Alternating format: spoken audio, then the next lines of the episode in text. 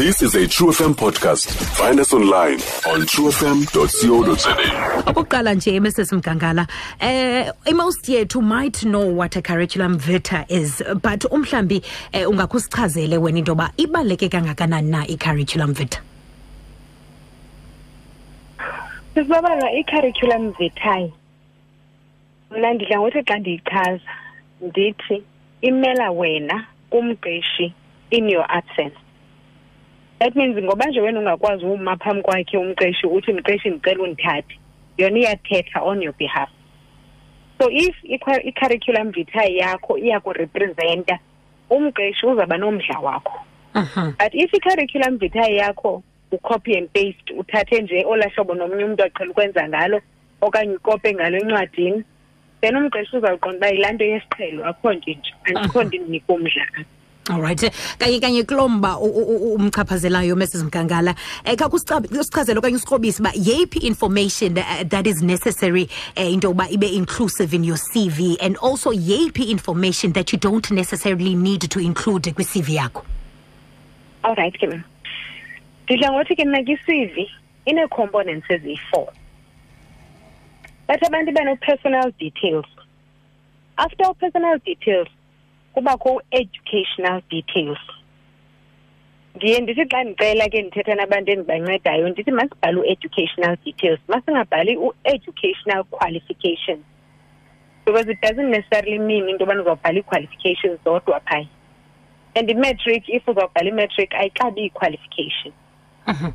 sigqithe ke kancinci sitehle nayo sigqithile ku-educational details sihambe siye ku- ku- ku-work experience if unayo i-work experience indawo ubukhe wasebenza kuyo then sizayifaka masiphaya Mhm. but ndithi ke ngoku abantu banale nto yothi kule yesine umntu abhale ii-references now xa sithetha laa cv yakho ungumqeshi ine-reference im- iphela kwii-references there's nothing else umqeshi ayaziyo ngawe ngaphandle kwento yobana wawukhe waphangela endaweni ethile wawufunde endaweni ethile Mhm. So ndithi ke mna ke kuleya yesine before sithi siyayivala ndicela ukufaka i-component ethi skills acquired.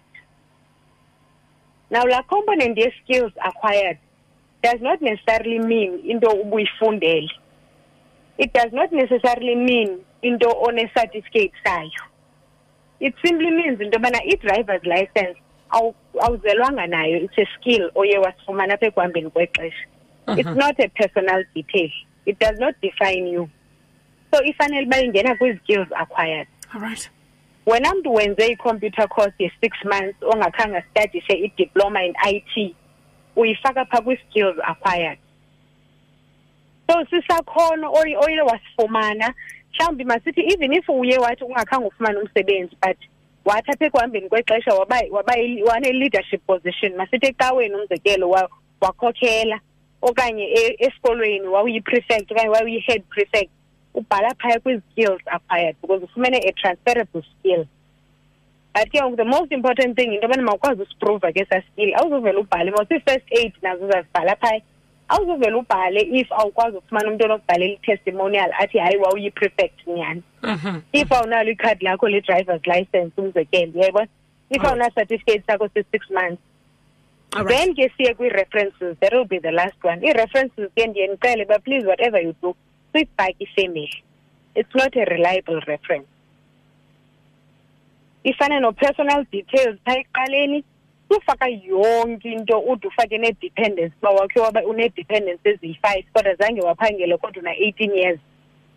Because zezaa zinto zi-exhausta umqeshi ziphele zimenza into yobani makangabi namdla wokwazi. Alright into funeka funeka uf- ufake kancinci phaya kwenzela into yobana makabe nomdla wokwazi more. Mhm. of which xa enomdla wokwazi more e-curious ngawe uza kubiza for the interview because the only way yokwazi bhetere kukubiza for the interview. But alright if umnike yonke into phaa kulaa cv akazuba namdla umqeshi. Alright right. Very quickly before sibaleke siye phaa kwi-ad break ndifuna nje ubuyisele ubuyisela umva kancinci um mrs mgangala. Um xa usithi imatric yona le ayo qualification ingabe ithetha ukuthi loo nto then it's not really necessary for you to include it kwi-cv yakho yona? It's very much necessary for you to include it. Okay. Ibaluleke kakhulu into yobana ube nayo because kaloku ekugqibeleni ndiyayiunderstand uba once ube nediploma kuzawuthiwa automatically soze ungabi nayo imatric. Mhm but ibalulekile into yobana uyifake. Alright All right. kodwa ke it's not it's not termed as a qualification. All it's right. an it's an educational attainment. Alright iyavakala ke ucacise kamnandi kakhulu. Ndifuna sibaleke very quickly eh, siyokroba phaa evenkileni ukhumbule ke eh, wena mntu usanda ungena nangale mini namhlanje ke eh, sifuna ukuxhobisa abantu abatsha ngendlela yokuzithengisa kwi-curriculum vitae and also when they are invited for interviews eh, how to handle themselves. Wena kunombuzo ngalo mzuzu we are joined by umesisisibusiso eh, mgangala yena kweyi-career councillor uphuma ke ke phaa kwi-eastern cape department of labour khawuleza ke wona kushiyele nje imibuzo yakho phaa ku-086 035 2212 okanye ke ushiyele phaa kumakhasi wethu onxibelelwano sikhona kufacebook singu-true fm and then you can just hashtag incoko It's a back to school vibe this January only on True FM. It is it, this is usually xa i- i- i- i-job okanye i-opportunity leyo xa kukho loo msebenzi ne ungafuni into i- i- i- i- ndizawuthi isi-scarce skill okay uyayibona? okay. La- laa misebenzi generic. Laa misebenzi sikwazi ufaka i-general worker sikwazi ufaka ii-waitresses ya imisebenzi enjalo.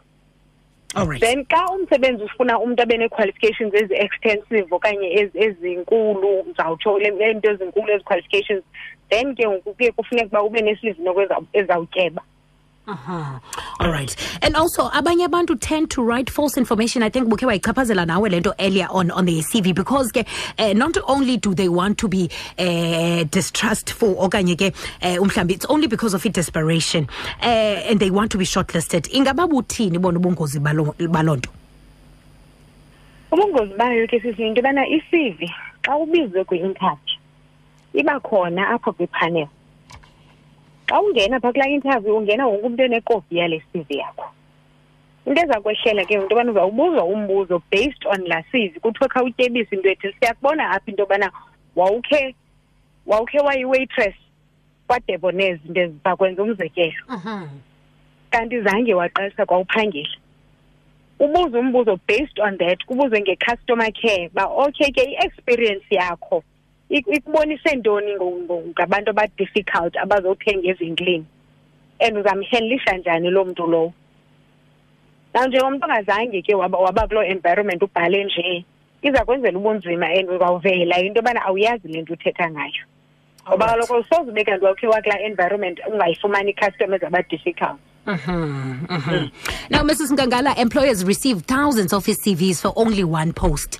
Uh, how can you make sure into yoba wena as an individual i-CV yakho stands out uh, kwezabanye abantu?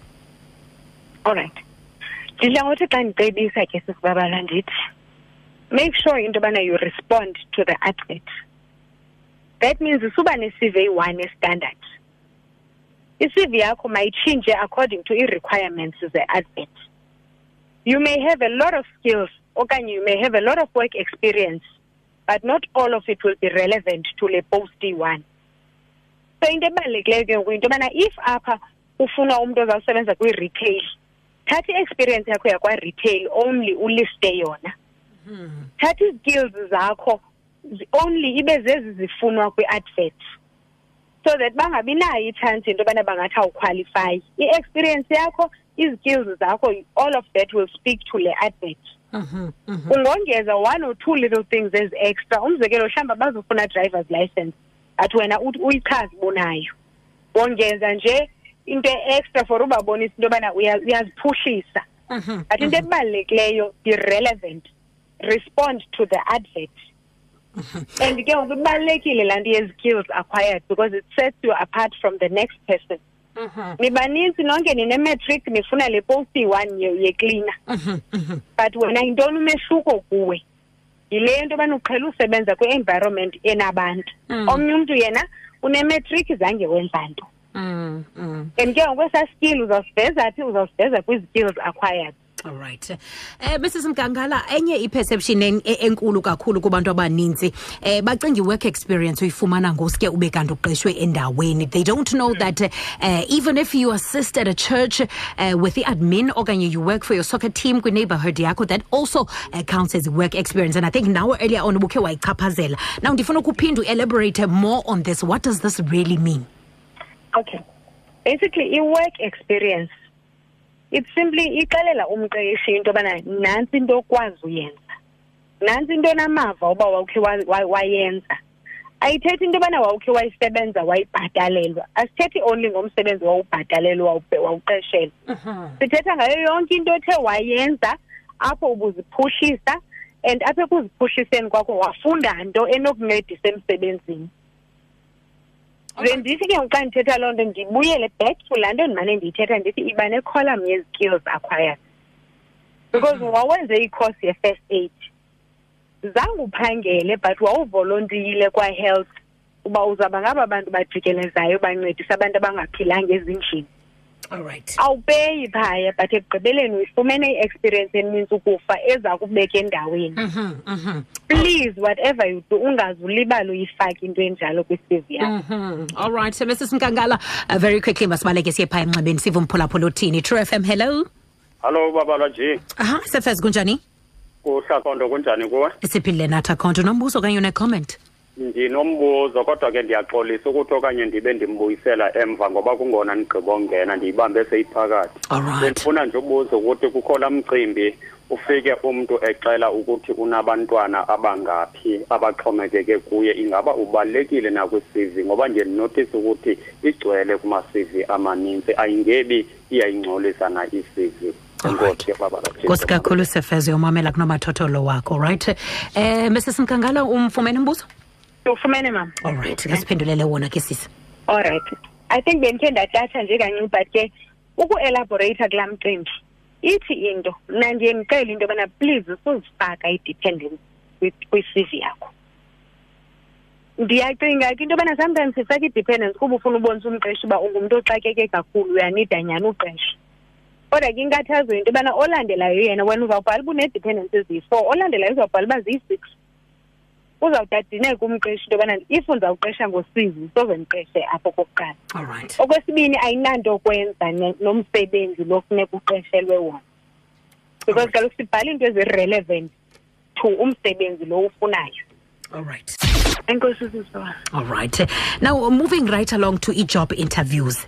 Xa sithetha nge-job interviews mrs mkangala how can one best prepare for their interview ndicela uqala nje ndibuye umva kancinci sisiwa ndingazityelanga xesha mani alright ndifuna u- kukho into ebalulekileyo kakhulu endicela uyi- uyi- uyigqithisa apha eba- ebaphulaphuleni xa ufowunelwa for i-job interview ndiyakucela please. Ewe i- yenza uvalo ivisa kamnandi. Ziphi ithuba umamele. Ziphi ithuba uve uba kuthiwa phi kuthiwa nini uthetha nabani. Xa ungazixelelwa ezo nto okanye ungazivanga ilungelo lakho uba uphinde uzibabele uzibhale phantsi ngoba after uthethile kulaa fowuni zizawubuya ingqondo uphinde ube nemibuzo ungakwazi ubuyela and ke use-avoid into yobana uendaphe usiye kwa-department of labour Mhm. Eqonce kanti ubizwa kwa-department of labour emonti Yho. Mhm. ngenxa yoba ufowunelwe ngumntu othi ndifowuna kwalabour Mm, mm, mm. so ibalulekile into yobana please umamele ungangxami ngoba excited into yobana ndibiziwe ungazazi noba ubizwa phi Mm, mm. and Alright. please zithathe i-contact because uzawuphinda ubuye umva ufune ucinga into yobana kanene ndandi-aplayele eyiphi okanye kanene ndibizelwe eyiphi zazininzi ukwazi ufowuna usabele into ezinjalo. Alright very quickly ms mkangala ndifuna Eh, sikhawuleze eh, sithathe imibuzo yabaphulaphuli before sibe kanti sityiwa lixesha into endizawuyenza i'm gonna go through each question and then wena uyawuthatha nje ii-notes and then you can answer after ndigqibe uzifunda zontathu alright ke alright eyokuqala icomment siyifumana phaa kuyo sabatha jeme. Uthi ke mna ndicela ubuza msasazi ukuba xa ukwi-interview imele ulindele imibuzo enjani na okanye hlobo njani na? Uphaa ke nake lusikisiki. Eh umasithembe Lu- luca okanye luca lala uthi ke nake mna msasazi i want to know is it wrong to include a qualification that you recently acquired but you don't have proof since you have not graduated or university has not released official certificates okanye certified reports but you know you have finished you, you have finished it uh, since you can access your results online. Umbuzo wesibini ke lowo odwa kasela uthi yena mna ndicela ukubuza xa ukwi-interview yeyiphi ilanguage ethi setyenziswe um xa uinterviewa um uthi ke for instance mna ndingumntu ongumxhosa ingaba mna ndizawuthi ke ndi-interviewe ngesixhosa na? Those are your three questions from abaphulaphuli bethu. Okay. Sisimakhe siqale nje kulo mbuzo we- we- we-qualification. Then ke usizoza apha alright lo mbuzo ubuza into yobana i-qualification kurongo na uyifaka if awukasifumani i-certificate. Akukho nto irong uyifaka but i-challenge into yobana awuzuqeshwa without a certificate so if ubuyayifaka with the hope that uyazi into yobana by next month ndizabe sizabe sesisesandleni akho problem. But if uyayifaka ungeka ngo-october uyazi uba ugraduata ngomarch then sizaba nayo i-problem because awusoze nyhani noba unga-ace i-interview awusoze ungene without a certificate. Alright. Then sigqithe ke siye kwi-language. Ilanguage uma uyisebenzise mna ndiye ndirecommend into yobana please sebenzisa isingesi because isingesi is a universal language. Iyesetyenziswa all over. That is point number one. Lilungelo lakho into yobana usebenzise one of the eleven official languages. Ungacela into yobana usebenzise isixhosa sakho. But i-challenge into yobana uzawudilishana nee-customers nee-clients ezininzi ezizawuthetha ii-languages ezininzi but esetyenziswayo emsebenzini sisingesi. Alright. And ndiqinisekile uba phaa kwisizi ubutshile uba uyayikwazi balindele uba ube fluent ke uyikwazi nabo. Mhm okokugqibela ke ngoku ndiye kule sorry ndiye kule kind of questions omele uba uzilindele kwi-interview. I-interview in most cases iba threefold. That is uzawufumana umbuzo ube mnye okanye ibe mibini about wena nezi-strengths zakho. We are trying to check uba uyazazi na wena as a person. Umbuzo wesibini okanye one or two questions izawuba about umsebenzi lo uzawenza unayo ni-understanding yale nto uzawuyenza. Abazode bakubuza i- ustep one to twelve ii-processes but ekugqibeleni bafuna nje uba ne-understanding yoba uyayazi phofu le nto uzoyenza apha. Eminye e- e- em- em- omnye imibuzo noyifumana yimibuzo about the organization or the institution. Uyayi-understanda nale ndawo uzophangela kuyo. Iba zizinto ezinjalo ke uba uyazazi izi-strengths zakho uyazazi wena as a person nee-values zakho.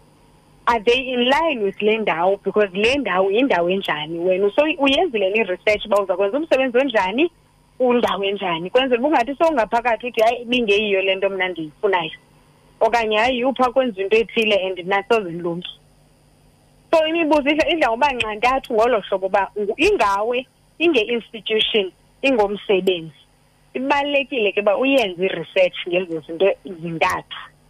All right. All right. And I think a very important uh, question also eh, abantu baye bafumaniseka into yoba iba-tricky for a lot of them uh, Mrs Mkangala into yoba uh, how, mu- how much role does the appearance yomntu play uh, xa usiya kwi-job interview?